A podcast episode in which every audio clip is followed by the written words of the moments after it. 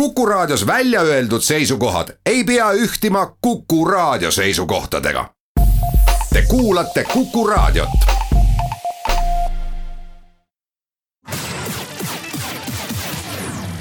nädala Tegija. nädala Tegija astub hääletusammuga RM stuudio põrandal.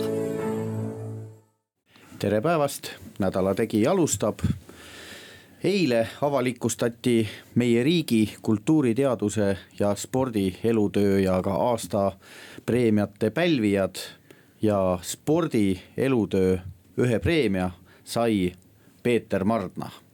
tere päevast, Peeter Mardna ongi meil täna stuudios. tere päevast ja saate alguses ma tahaksin äh, tänada neid, kes mind selleks preemiaks esitasid ja teiseks neid paljusid, kes selle preemia puhul on mind õnnitlenud ja kellele me, ma ei ole suutnud vastata nende õnnesoovidele, nii et raadio teel kõigile suur tänu. no ma ühe sõudmisega väga sügavalt oma elu sidunud mehega juttu rääkides äh, sain aru, et Peeter Mardna on Eesti sõudmises tegelikult nagu grand old man. et te olete ise olnud sõudmise tippsportlane, hiljem kohtunik, olete olnud ma ei tea, kas seda sõna tollal ilmselt üldse ei teadnud, aga sõudmises niinimetatud kodanikuühiskonna põhimõtete ja vabatahtliku panustamise pioneer, kui nii võib öelda. pikalt olite Sõudeliidu president, vist kümme aastat suurusjärk. olete föderatsiooni või, või Sõudeliidu tegemistes noh kuni viimase ajani kaasa löönud, et, et, et teie jälg sõudmisse on nii suur, et, et seda tegelikult siis sõudjate enda hinnangul kirjeldada ei olegi võimalik, aga enne kui te hakkasite sõudmisega tegelema, te tegelikult tegite ju hoopis muud sporti. jah, ma jooksin ja selle jooksu ajal äh, siin oli põhiline vahe see, et kui ma jooksin, olin meeter üheksakümmend pikk, siis ma kaalusin seitsekümmend kaks kilo ja kui ma. ja kui ma sõutsin, olin sama pikk, aga siis ma kaalusin kaheksakümmend viis kilo. ja see asi, millega see asi, see sõudmise peale läks, oli see, et mul tekkis krooniline jalasääre Äh, põletik, mis, mis sellel ajal ei olnud ravitav ja, ja ma ei saanud enam jooksta lihtsalt. ma olin kaua aega Tšiikini juures, selle niinimetatud margipoiste pundis. see oli siis aastal tuhat üheksasada viiskümmend seitse, kui teist jooksumehest äh, olude sunnil sõudja sai jah, see oli tegelikult viiskümmend kaheksa, viiskümmend seitse, ma veel tulin kevadel Tallinna meistriks äh, paaril jooksudistantsil ja kui ma ülikooli läksin, äh, siis sügisel äh, juhtus niisugune õnnetus, et kolhoosis olles ma võtsin kümme kilo juurde ja kui ma siis läksin selle staadionile kiirelt jooksma, siis ma vist venitasin mingisugune Achilleuse ära, ma enam jooksta ka ei saanud peale lisaks sellele põletikule ja ja siis oli treener Erik Seiler, kes oli omaette fanaatik sellel ajal ja nagu öelda, Eesti sõudmise taasavastaja Eestimaal peale seda. tema korjas mind siis ülesse ja, ja hakkasime siis sõudma, kuna mu üldine füüsiline ettevalmistus oli küllaltki hea, siis ma ju kaheaastase harjutamise järgi olin juba üleliidulise ametiühingu esivõistlustel medalil ja, ja sattusin sinna liidukoondise orbiiti. no sõudmises, kui nii võib öelda, siis te tegelikult olite ju tolle aja mõistes hirmuäratavas tipus, te olite NSV Liidu kõige kõrgemas tipus ka ühepaadil. ja samal ajal me kõik teame, kes natukene sõudmise ajalugu tunneb, et aastast tuhat üheksasada viiskümmend kuus maailma sõudmist valitses just nimelt NSV Liidu sportlane, venelane Ivanov.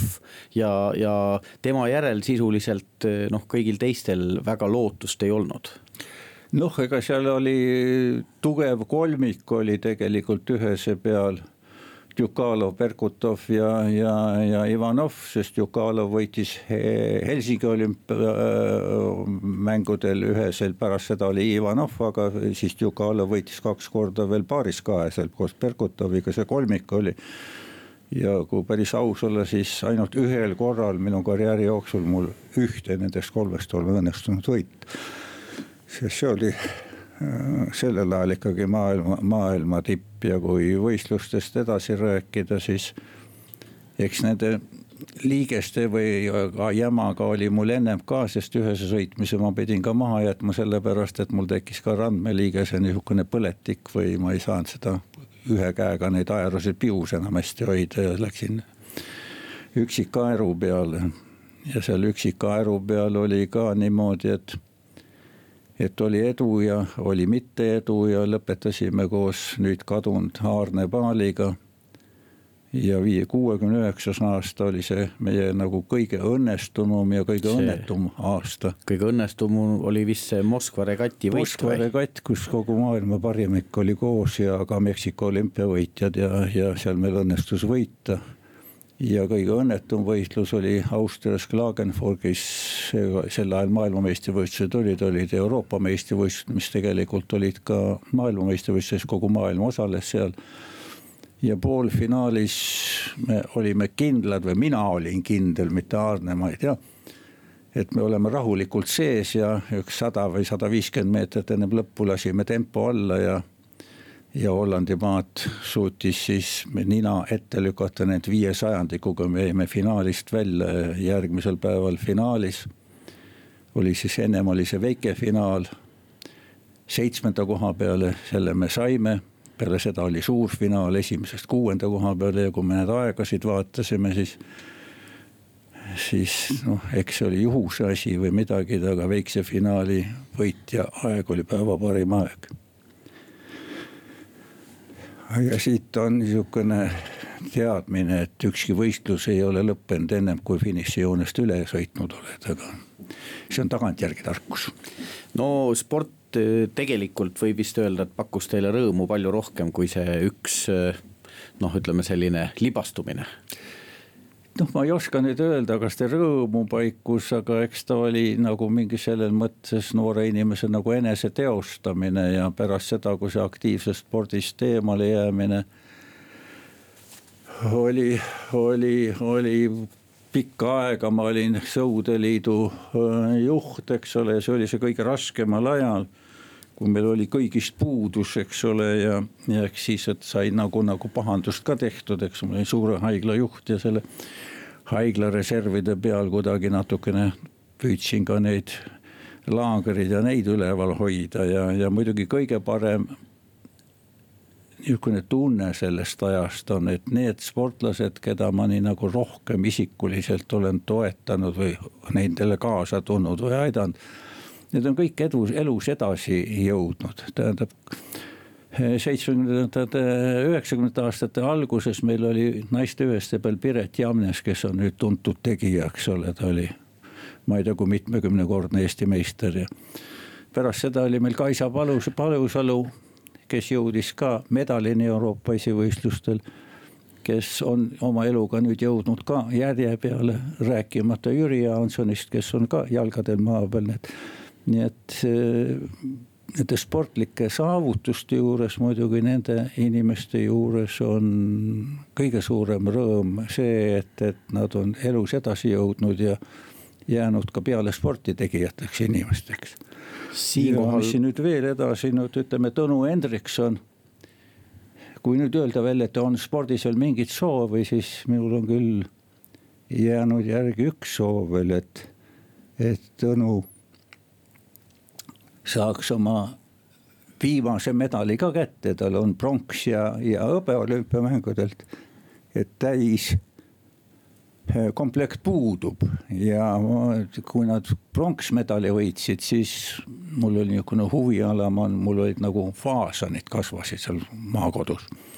ja mul oli üks ilus faasani pilt, kus neli kuldfaasanit istusid õrre peal ja poisid said kõik selle raamitud pildi kuldfaasanitega ja palvega eh, tuua kuldmedal. ja vaadates nüüd eh, alfavõistlusi, eh, mis nüüd kaks nädalat tagasi toimusid sõudergomeetride sõudergomeetride peal mul väike lootus selleks olnud, et see füüsiline vorm, mida nad kõik on saavutanud, kaasa arvatud Kaspar eessõudjana on, on eh, tunduvalt parem kui eelnevatel aastatel ja näitab seda, et et mehed teevad tõsist tööd ja, ja on füüsiliselt võimelised seda tegema, näis, mis see Soome treener, kuidas ta selle paadi libisema saab, aga, aga ma usun, et sealt võib tulla midagi head siinkohal kuulame korra reklaami ja jätkame juttu Peeter Mardnaga pärast seda. nädala Tegija. Nädala Tegija astub hääletusammuga RM stuudio põrandal. nädala Tegija jätkab täna on meil siis saates spordi elutöö preemia selle aasta laureaat Peeter Mardna. räägime spordist, aga luban, et kindlasti ka arstitööst ja meditsiinist. aga praegusel hetkel läheme veel edasi natukene spordiga, kuna sõudmine oli teil nagu noh, saavutusspordi mõttes elu, eluarmastus, kui nii võib öelda, aga te jätkasite ju pärast karjääri lõpetamist eh, sõudmise juures ja, ja ega Eestis ei ole väga palju noh, neid kohtunikke, kes on maailma absoluutsesse tippu jõudnud, te vist eh, olete ka olümpial osalenud eh, kaks korda sõudekohtunikuna. jah, ma seitsmekümne kolmandal aastal tegin rahvusvahelise kategooria kohtuniku eksami, litsentsi sain ja kaks korda Soulis ja Moskvas olin, olin kohtunik ja üheksakümne viiendal aastal MM-il olin finiši vanemkohtunik. jah, see on niisugune hobi, hobi moodi asi ja nagu mingisugune preemia selle asja eest, ega see raske nüüd ei ole seal olla, sa kõiki neid asju tead ja, ja ja ütleme ausalt ka, et ega sul suurt mingit vastutust ega organiseerimisasja seal ei ole. aga, aga, aga, aga see kohtuniku asi, nojah, ja seal oli muidugi kurb asi oli siis, kui ma olin Sydneys äh, Soude delegatsiooni juht, siis oli meil ka suur seminar seal ja ja pandi kirja soovid järgmiseks järgmiseks nelja aasta tsükliks, kes kusagil oleks ja ma küsisin, et kas ma võin ka omal kirja panna, ütles, et ei, et sa oled liiga vana, ma olin siis kuuskümmend. Nii karmilt ja meil oli niimoodi, et kuuskümmend oli see piir, kus kohtunik tohi olla, nüüd on minu meelest see tõstetud kuuekümne viie peale, aga siis oli kuus. aga selle piiriga on muidugi teine küsimus ka, kunagi Tulviste ajal ülikoolis pandi ka professuuri mm, piiriks kuuskümmend viis ja, ja briljantsed lektorid sellega pidid ära minema, nii et äh, nüüd on vist, peab ikka arvestama sellega, et inimeste tööiga võib-olla on ikkagi tunduvalt tõusnud, ütleme viiekümne aastasega.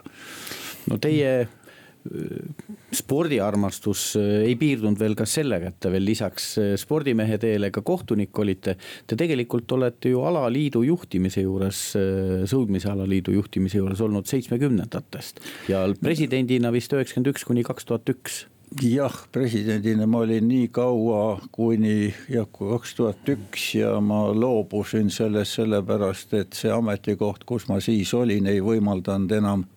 igapäevatöö nagu jah ei, mitte, mitte igapäevatööna ei võimalus oleks küll, aga, aga mul ei olnud käsutada materiaalseid ressursse, mida ma oleksin sõude sisse pannud. ja sellepärast me otsisime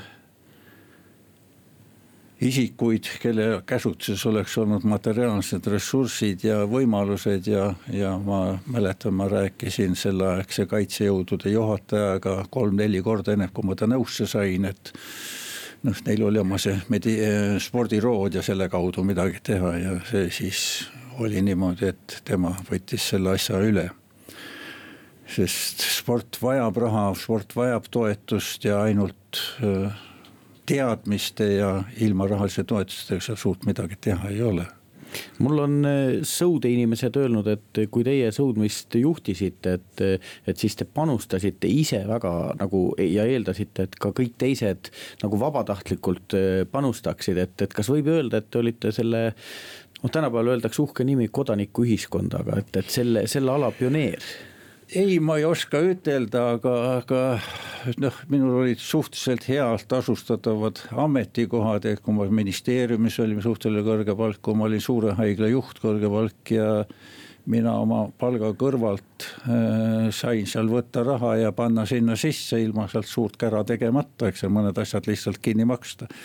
seda ma tõesti tegin ja, ja, ja ma arvan ka seda, et kui meil Eestimaal on suhteliselt palju rikkaid inimesi, kes ostavad omale jahte ja, ja lõunamaades villasid ja kõik see, kui nad seal oma viis kuni kümme protsenti oma aasta sissetulekuks paneksid meie sporti ja noorte abistamiseks, siis me oleksime hoopis teisel tasandil, tähendab me ei jõua kõiki oma teenitud vahendeid ise ära süüa ja ise ära elada, me peame mõtlema ka teiste peale, kes seda vajavad. aga vist eriti palju selle mõtte jälgijaid meil Eestis ei ole, kõik mõtlevad kõigepealt iseendale ja siis muule. aga, aga jah, mul on hea meel, et üks hea meel, et koos oma heade kolleegidega me omal ajal suutsime Kaisa Pajasalule tagada absoluutselt kõik, mis tippspordi jaoks oli vaja. no aga te nüüd tagasihoidlikult jätate ühe teise mehe või ühe mehe mainimata, Jüri Jaanson on ka tegelikult öelnud, et kui teie alaliitu juhtisite, et tagantjärgi hinnates ta ikkagi ütleb, et eh, mis oli võimalik, tehti. Jah, ja see oli hea, et sellel ajal ei olnud korruptsioonivastast võitlust nii elus, et siis ma oleksin ammu vangis olnud, kui selle ajade tegevustega, mis me sõudmise ja, ja ka Jüri, Jüri aitamisse oleme teinud. noh, kasvõi seesama asi, et ühel teatud tsüklil me mõtlesime välja, et, et taastumistsüklis on hea kasutada parokambert. ja kolleegidega rääkisime, siin oli Baltimaade ainukene parokamber oli meil sel ajal Meremeeste haiglasel ja, ja üks mu hea kolleeg oli selle juhataja, Jüri käis seal mõned teistkümned korrad hapnikukõrgrõhu all taastumas kas see aitas või ei aitas, ega me ei tea, vähemalt psühholoogiliselt see aitas. siinkohal kuulame pisut reklaami ja uudiseid, juttu spordi elutööpreemia pärvinud Peeter Marnaga, jätkame pärast seda. nädala Tegija. nädala Tegija astub hääletusammuga RM stuudio põrandal. nädala Tegija jätkab saates sel korral spordi elutöö preemia pälvinud Peeter Marna, aga hakkame nüüd rääkima meditsiinist, et äh, mina ei ole kindel, äh, kui hinnata teie elutööd, et, et teie jälg spordis on muidugi noh, gigantne. Aga kui ma nüüd vaatan teie elulugu ja tean ka siin avalikus elus toimetana teie toimetamisi meditsiinivaldkonnas, siis äh, kumba te ise enda elus nagu olulisemaks peate, kas meditsiinis või arstikutset ja seda tööd või tegutsemisi spordis? ma ütleksin niimoodi, et ei ühte ega teist, mina kõige suuremaks saavutuseks oma elus pean seda, et tänu abikaasale on meie lapsele, lapsed ja ka osa lapselapsi jõudnud elus edasi ja saanud hariduse ja selle hariduse taga kaasabil ka elukutse, milles, milles on nemad rahul ja millega tõenäoliselt ka teised ühiskonnaliikmed rahul.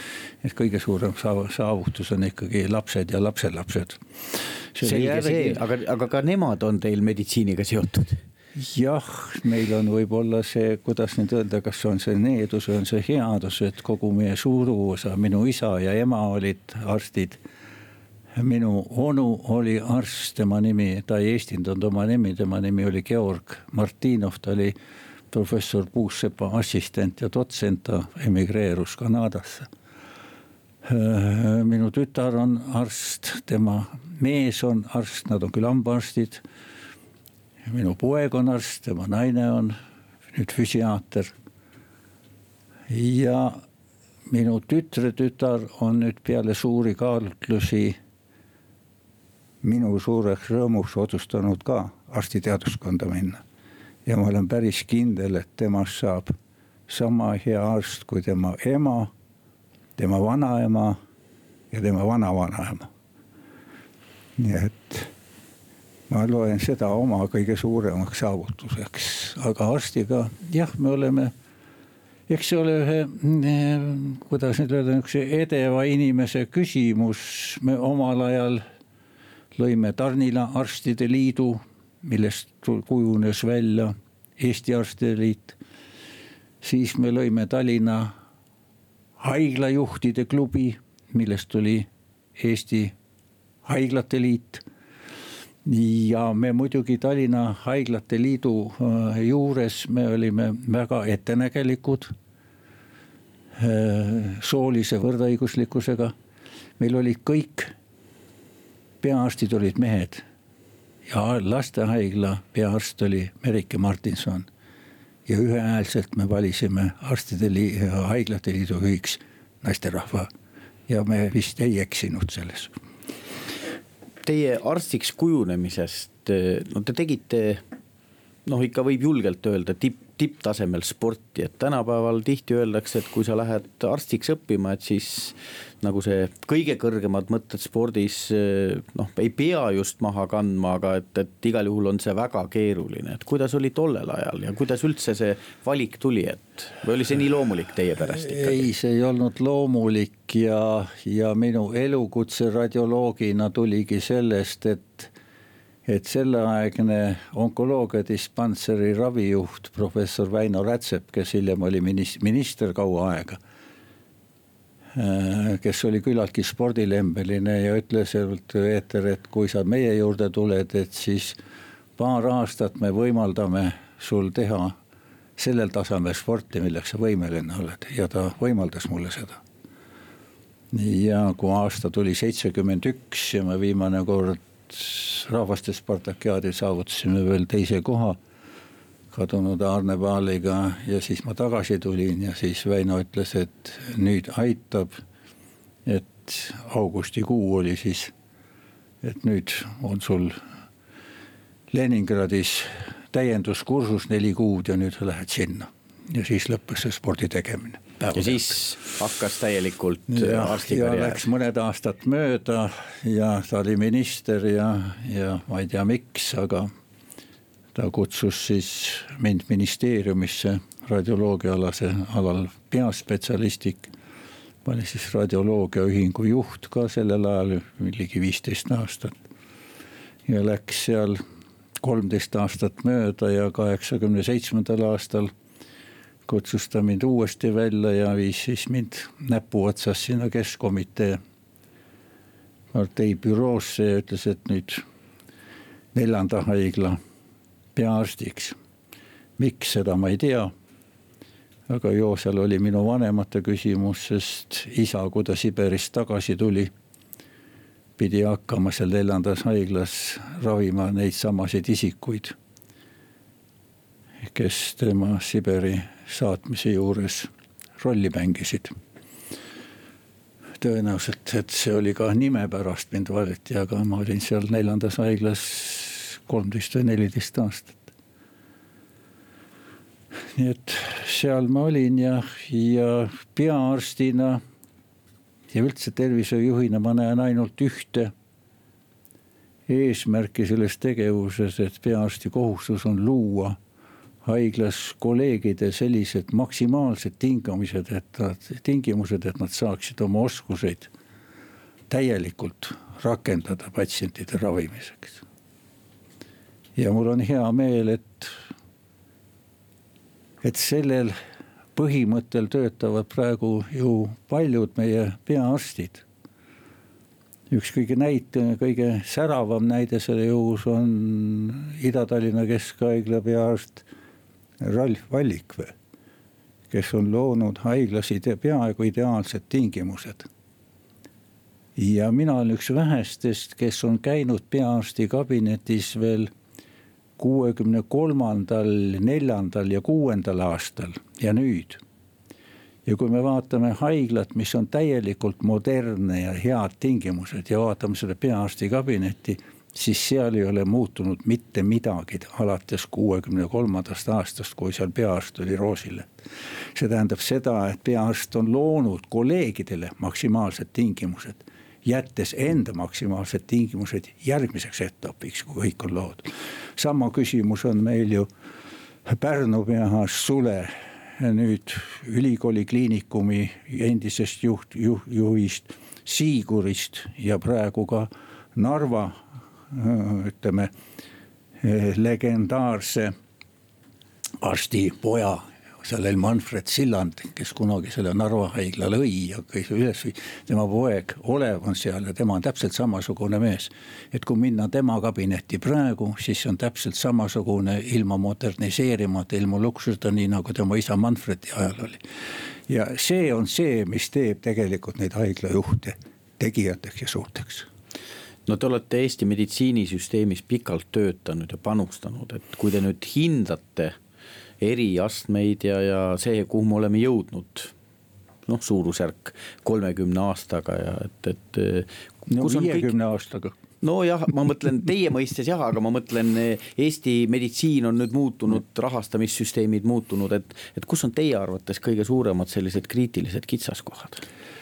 ma arvan seda, et me kõige suurema vea tegime perearstisüsteemi arendamisel ettevõtlusena. see olid üheksakümne viiendal aastal olid meil suured vaidlused sellel teemal, kas me läheme Põhjamaade süsteemi kaudu või, või selle personaalse ettevõtluse kaudu ja Põhjamaade süsteem on ju selline, et, et omavalitsus omab seda materiaalset baasi ja tagab antud piirkonnas selle esmase arstiabi olemasolu. Aga meil jäi peale see FIE-na ja ütleme riikliku sunnina äh, polikliiniku arstid sunniti ettevõtjateks astuma, tähendab jõuga, kas te hakkate ettevõtjaks või te enam Eestis töötada ei saa ja. ja mina sõdisin üks aasta aega selle vastu ja lõpuks sai ots asi lõppu ja mina andsin ministrile lahkumisavalduse ja ütlesin, et ma ei saa töötada süsteemis, mis minu põhimõtetega kokku ei lähe. ja läksin siis haiglasse tagasi. Ja praegu on probleem, mida peaks rahulikult ja kõiki osapooli arvestades peaks seda süsteemi arutama, mismoodi seda lahendust leida. sest arvestades perearstide vanuselist struktuuri ja noorte arstide mittesoovi üksinda kuhugile, andke andeks väljendust, pärapõrgusse tööle minna. Siis kümne aasta pärast on meil täielik krahh, sest vähemalt sada viiskümmend perearsti läheb pensionile ja juurde tulemas neid ei ole. see lahenduse leidmine peaks olema ja peaks lahtiste kaartidega rääkima mõlemad pooled selles, et mis on need plussid, mis on need miinused, mis on võimalik teha, mida ei ole võimalik teha ja muidugi meditsiinis, mis kõige kurvem küsimus on see, et me räägime kogu aeg seda, mida meditsiin peab tegema, et me anname meditsiini raha juurde. lahendame järjekorrad ära ja kõik see, aga tegelikult need väiksed rahasummad, mis juurde antakse, ei lahenda järjekorda. kui me ei hakka rääkima ei julge rääkida kodaniku omavastutusest oma tervise säilitamise eest siis me võime sinna raha panna nii palju, kui meil on ja me ikka probleemi ei lahenda. kui inimene ise ei hoolitse oma tervise eest, siis meditsiin ei saa tagada lõpmatuseni tervist.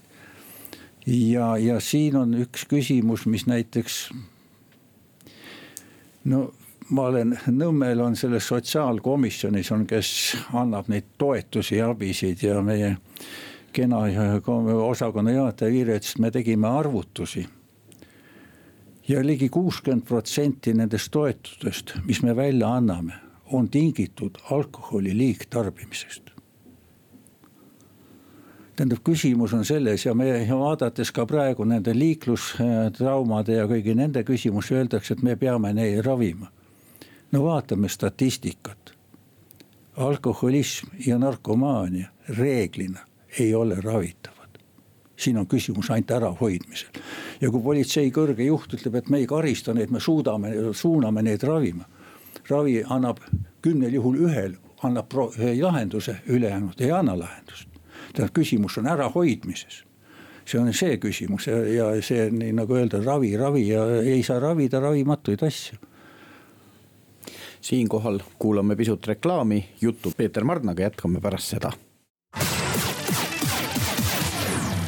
nädala Tegija. Nädala Tegija astub hääletusammuga RM stuudio põrandal nädala Tegija jätkab. eile jagati siis elutöö preemiaid ja spordi elutöö preemia üks saajatest, Peeter Marna, on meil täna saates külas.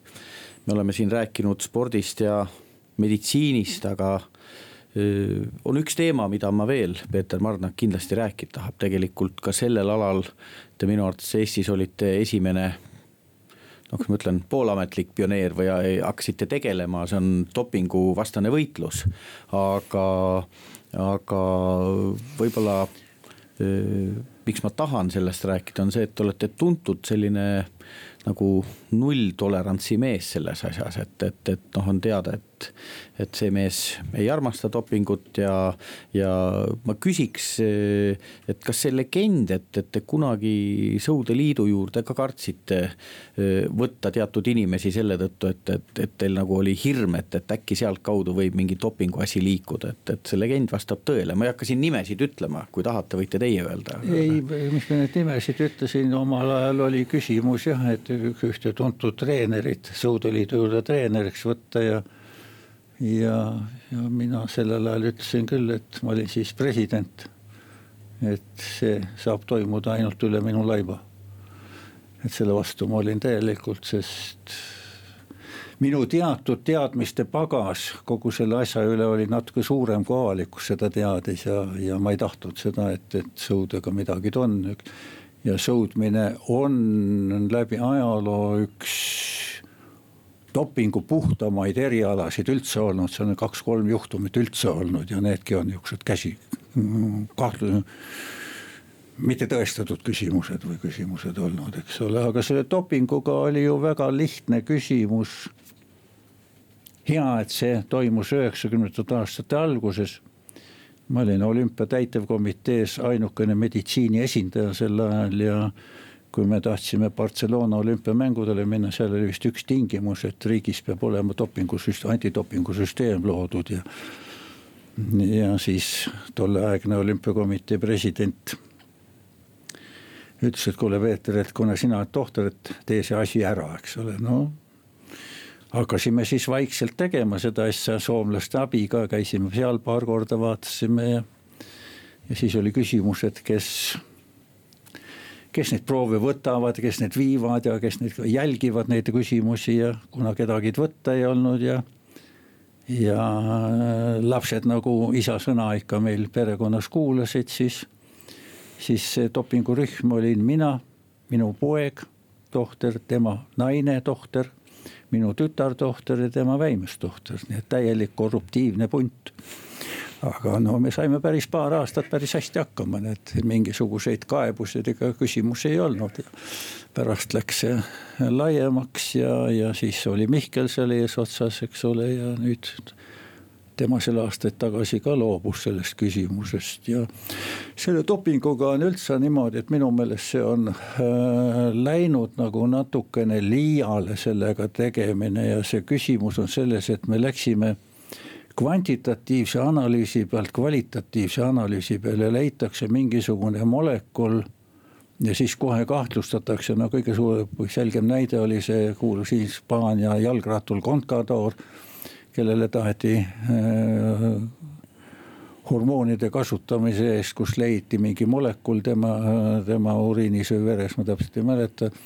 aga kui ta viis selle härja lihatüki, mida ta sõi sinna, siis tal see asi, sest selle äh, kvalitatiivse analüüsi järgi ju sportlased ei saaks ju varsti enam mitte midagi süüa. kõik need kanad, sead veised on ju kasvat-, kasvatatud tegelikult hormoonide peal, eks ole, ja sealt sees saad, saad selle molekuli kätte. tegelikult peaks ikkagi olema niimoodi, et, et dopingu karistuse alla langeb sportlane, kellel on mingisugune aine sisse viidud, mis antud situatsioonis soodustab saavutust muud niisugused teoreetilised kahtlustused võiks nagu kõrvale jätta, see on nagu üle. ja samuti on ka üle, üle pingutatud praegu minu meelest nende Vene sportlaste oma muidugi. eks selles äh, diktatuuririigis on kõik võimalik ja tõenäoliselt seal midagi tehakse, aga siin suur osa ausaid sportlasi jäävad lihtsalt kirve alla ja nemad ei ole küll millegi's süüdi, et nendel peale neid repressioone. ja kui me statistiliselt vaatame seda, siis üks julge mees ju sellest kirjutas, see oli minu meelest oli vist Pullerits kes näitas, et dopinguga vahele jäänud sportlasi maade ääres Vene Föderatsioon oli vist neljandal või kolmandal kohal, et seal olid paljud teised riigid eespool ja nende vastu nagu niisuguseid ränkasid sanktsioone ei tehta, aga. aga küsimus on muidugi selles, et, et mis on doping, miks seda tarvitatakse ja omal ajal oli suur pahandus sellest, et kui me dopinguga tegelesime, et mina ütlesin, et, et kui me tahame tegelikult seda asja välja juurida, nende ainete kasutamine, mis tervist võivad kahjustada, siis me peaksime nende bodybuilding ute ja, ja, ja jõusaalide kontrolli tegema. Ja, ja ma ütlesin ka seda, noh, see oli nagu edevalt võib-olla öeldud, aga ma arvan, see ei olnud tõest kaugel, et kui me Tartu maja maratonil eh, saja kuni kahesaja, sajast kuni kahesajani lõpetanud võtame dopinguproovi, siis me saame kindlasti üle kahekümne positiivse tulemuse. nii et siin on küsimus selles ja teine küsimus on selles puht ähm, moraalses küsimuses. kui sport on kultuuri osa, siis spordis on doping ja need ained keelatud. ülejäänud kultuuris ballett laulmine, disko, kõik muud asjad, maalimine, on see aktsepteeritav. siinkohal peame jutu lõpetama, saade lõpeb. ma soovin teile palju tervist, jõudu ja seda, et järgmise aasta augustis olümpiafinaalis me tõepoolest Eesti sõudjate järgmist medalit ja miks mitte kuldset näeme. aitäh, jääme lootma nädala Tegija. nädala Tegija astub hääletusammuga RM stuudio põrandal